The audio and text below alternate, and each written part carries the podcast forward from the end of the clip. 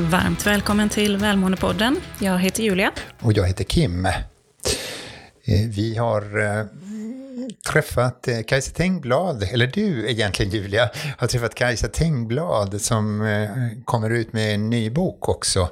Hon är ju föreläsare och författare och är väldigt mycket kopplat till unga människors välmående. Ja, hon har ju bakgrund som hälsopedagog och även utbildad till samtalsterapeut. Och hon har ju skrivit eh, några böcker sedan tidigare, bland annat Kroppsnöjd och självstark och eh, Prestationsprinsessan. Och nu då är hon aktuell med en bok som heter Ta hand om dig, nycklar till självomsorg. Så jag har fått möjlighet att eh, ta del av boken och eh, intervjuat Kajsa. Så vi kör igång intervjun. Välkommen till Välmåendepodden Kajsa. Varmt tack för det. Du har ju, är ju egentligen bokaktuell eh, och jag har ju fått eh, förmånen att eh, läsa boken så här i förväg. Ehm, kan du berätta lite kort om boken och varför du valt att skriva den här boken? Ja, men det gör jag ju gärna. Jag skriver ju då en bok som heter Ta hand om dig, nycklar till självomsorg. Och jag brukar tänka när jag skriver dels att jag själv behöver läsa det jag skriver, men också att jag brukar hålla läsaren framför mig, försöker tänka på den målgrupp som ligger mig väldigt varmt om hjärtat är ju unga vuxna. Så jag brukar tänka, vad hade jag själv behövt höra? Vad hade jag själv behövt läsa och lära mig och ta del av när jag var i den åldern? Och vad har jag möjlighet att som 54-årig kvinna med min kunskap, mina erfarenheter av livet att dela med mig av? Så eh, det här kan man väl kortfattat säga är en, en handbok i konsten att ta hand om sig själv och sin hälsa och leva ett meningsfullt liv i riktning mot det som är viktigt för en och utforska vad är viktigt för mig egentligen i livet. Och vilka skulle du säga är målgruppen till boken? Nej, men jag tänker nog att man skulle kunna läsa den från yngre tonåren och uppåt. Så jag ser framför mig att boken kommer nog läsas både av föräldrar och av eh, tonåringar och unga vuxna och så. Eh, sen, sen när jag är ute och föreläser så möter jag människor i alla olika åldrar så jag har verkligen ingen, ingen varken undre eller övre åldersgräns för det här men den målgrupp som jag är mest van att jobba med och, och rikta mig mot det är ju från högstadiet uppåt. Så jag tänker att, att också det här med tonårstiden och vuxenblivande tiden är är utmärkta, en utmärkt tid i livet att just fundera på det här med livsvärden och eh, det jag skriver om, vad är skillnad mellan mål och livsvärden och vad är skillnaden mellan problem och svårigheter? Och jag tänker att det kanske vi kommer in mer på om en stund. Ja, ja men verkligen. Och du börjar ju boken egentligen med att berätta om psykisk hälsa utifrån fyra hälsodimensioner. Mm. Eh, kan du berätta lite om de dimensionerna? Ja, jag brinner ju för det här med en helhetssyn på hälsa. För det kan bli ganska enkelriktat när vi bara pratar om kost och motion. Inte att för den skull förminska betydelsen av den fysiska dimensionen, för där har vi den första dimensionen. Det som handlar om hur vi faktiskt kan ta hand om oss själva och vår hälsa genom att sova tillräckligt och äta varierat och tillräckligt och också röra på oss som vi behöver. Och där ser ju också behovet lite olika ut i olika åldrar. Eh, och sen så har vi ju då den psykiska dimensionen av hälsa. Den som WHO bland annat skriver så här om att det handlar om att redskap till att kunna klara av vanliga påfrestningar. Så den psykiska hälsan fokuserar mycket på de här redskapen som vi kan skaffa oss för att klara av påfrestningar som vi möter på vår livsresa. Och det är ju väldigt positivt att vi, vi kan skaffa oss färdigheter i att hantera livet. Och sen så har vi då den sociala hälsan. Nu kommer jag på att jag slår ihop de två i boken. Så det är den psykosociala hälsan. Eh, och relationers betydelse för vår hälsa kan liksom inte nog betonas. Det är så otroligt viktigt och värdefullt. Och här finns det många studier och det här har ju lyfts fram mycket på senare tid, just vikten av att vi tar hand om både relationen till oss själva och till varandra. Och sen har vi också den ekologiska hälsodimensionen som handlar om vårt förhållande till djur och natur och vikten av att vara i naturen och, och njuta av eh, allt det fantastiska som finns. Eh, och sen har vi sist men inte minst den dimension som jag kanske fokuserar mest på just i den här boken och intresserar mig för lite extra, det är just den existentiella eller andliga dimensionen av hälsa. Och här kan jag prata väldigt mycket och länge, för här har vi ju då enligt Världshälsoorganisationen så har vi hela åtta punkter här som man kan utforska eh, om man liksom känner, jag skulle vilja, alltså jag rör på mig tillräckligt, jag äter, jag sover, jag tar hand om mina relationer, jag är i naturen men ändå är det någonting som saknas. Jag kände liksom ett, ett tomrum, jag, jag längtar efter mer meningsfullhet och kanske brottas med det här att man har tappat lite hoppet för framtiden. Då är de här dimensionerna jätteviktiga att utforska. Så eh, ja, det, det kanske... Man ska väl kanske inte ha några favoriter, för det är ju hälsan som är viktig, men jag tänker att den kanske också är den dimension vi inte har pratat så mycket om i Sverige. Så därför vill jag slå ett extra slag för den i den här boken. Ja, och eh, du tar ju upp en del eh, saker som man kan göra för den existentiella hälsan. Och sen går du även in på det här med omsorg och självomsorg. Um, vad, vad innebär självomsorg egentligen? Ja, här använder jag ju några olika bilder för att det är inte egoboost och självfokusering jag pratar om i negativ bemärkelse, utan jag tänker att för att leva ett meningsfullt och hållbart liv i längden så är självomsorgen och omsorgen om andra behöver vara i balans. Till exempel att man kan tänka det som två sidor av samma mynt. Ja, det är viktigt för oss och för vår hälsa att vi bryr oss om andra å ena sidan. Här har vi ju den här relationernas betydelse för vår hälsa. Och å ena sidan och å andra sidan så har vi då omsorgen om oss själva.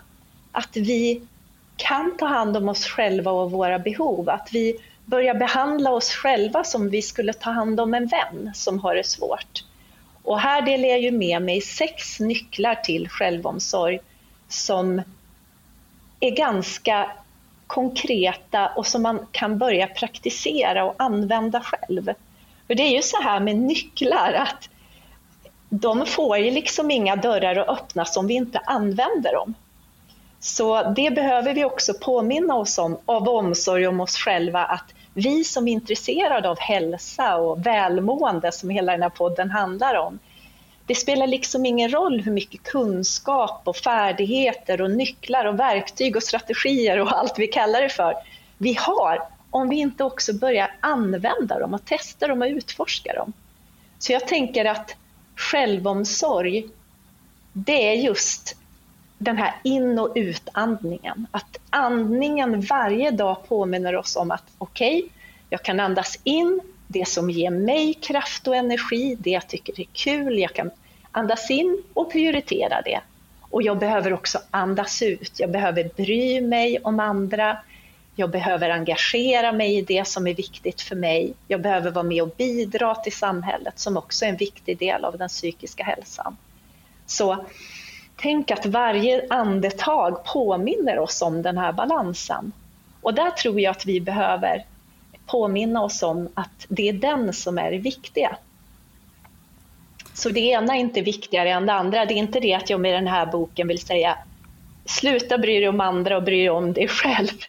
Utan det är verkligen balansen här. Att det är två sidor av samma mynt, det är in och utandning. Och jag tror också att jag beskriver det som att det här landet, självomsorgslandet, kan vara ganska outforskat för många. För det finns ju människor som är jättebra tränade i att bry sig om andra hela tiden på gränsen till självutplåning. Och det kanske är de människorna, inklusive mig själv, som jag ser framför mig lite extra i det här.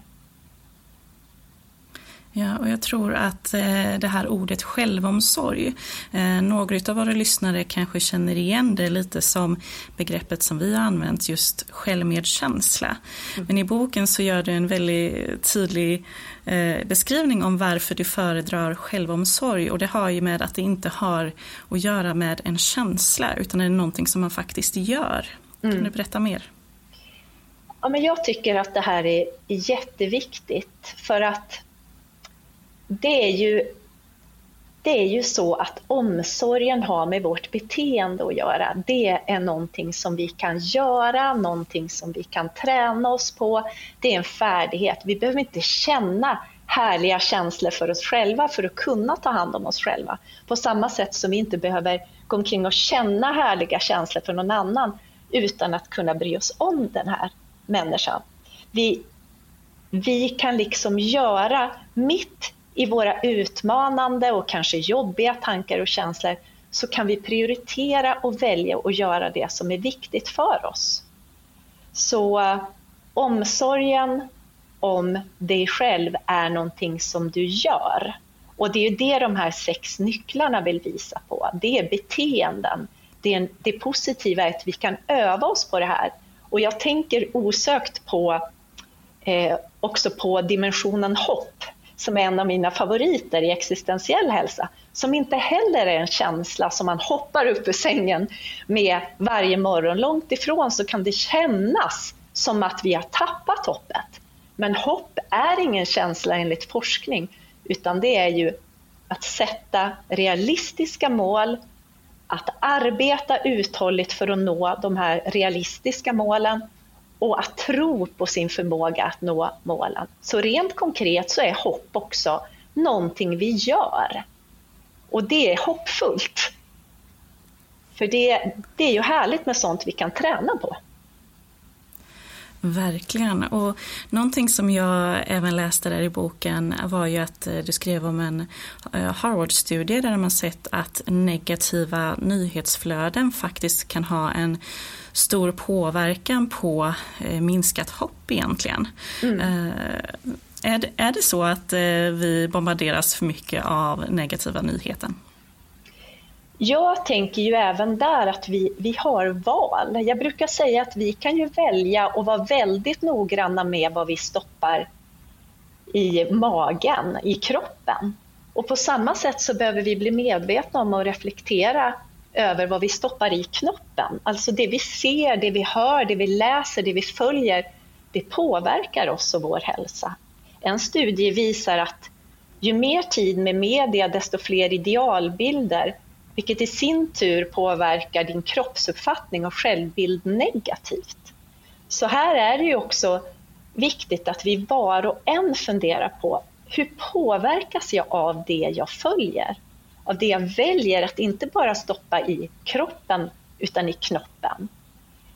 Det är jätteviktigt för mig för att jag är en, en person som jag märker hur jag blir påverkad när, när det är mycket negativitet och det är inte bara i nyhetsflödet utan det kan ju också vara eh, att, att jag möter en människa där jag kan också behöva sätta en gräns liksom i, i det här med negativiteten. För det, jag tänker att där är vi lite olika. Vissa människor har lättare för att se det som är ljust, det som är positivt, medan andra har svårare för det. Och det här ja, här behöver vi ju hjälpas åt, men jag tänker att alla behöver ju bli med. Vi kan ju liksom inte lika lätt ändra på hur vi är, liksom våra personligheter, men vi kan fundera på vad vi matar oss med, både vad vi matar kroppen och vårt sinne med. Så det är ett, ett jättebra tips till eh, oss alla, vi som lyssnar och, och till dig och mig här, att, att vi är lite det ger ju också några, några frågeställningar kring att, att vara källkritisk och mediekritisk. Och det tänker jag att dagens unga får med sig också i skolan på ett helt annat sätt idag, vilket är toppen. Vad spännande. verkligen intressant. Ja, absolut. Och det här med självomsorg är ju någonting som är otroligt viktigt. Så därför hade vi ett eh, lite längre samtal. Så del två av intervjun kommer under nästa vecka. Ehm, och det är ju så att hennes bok släpps i mitten på mars. Så håll utkik. Vi kommer även länka till boken. Men för att höra andra delen av intervjun får du lyssna på nästa avsnitt helt enkelt. Hör av dig till oss om du har frågor. Vi finns på leadershippower.se eller följ oss på sociala medier. Stort tack för att du lyssnar.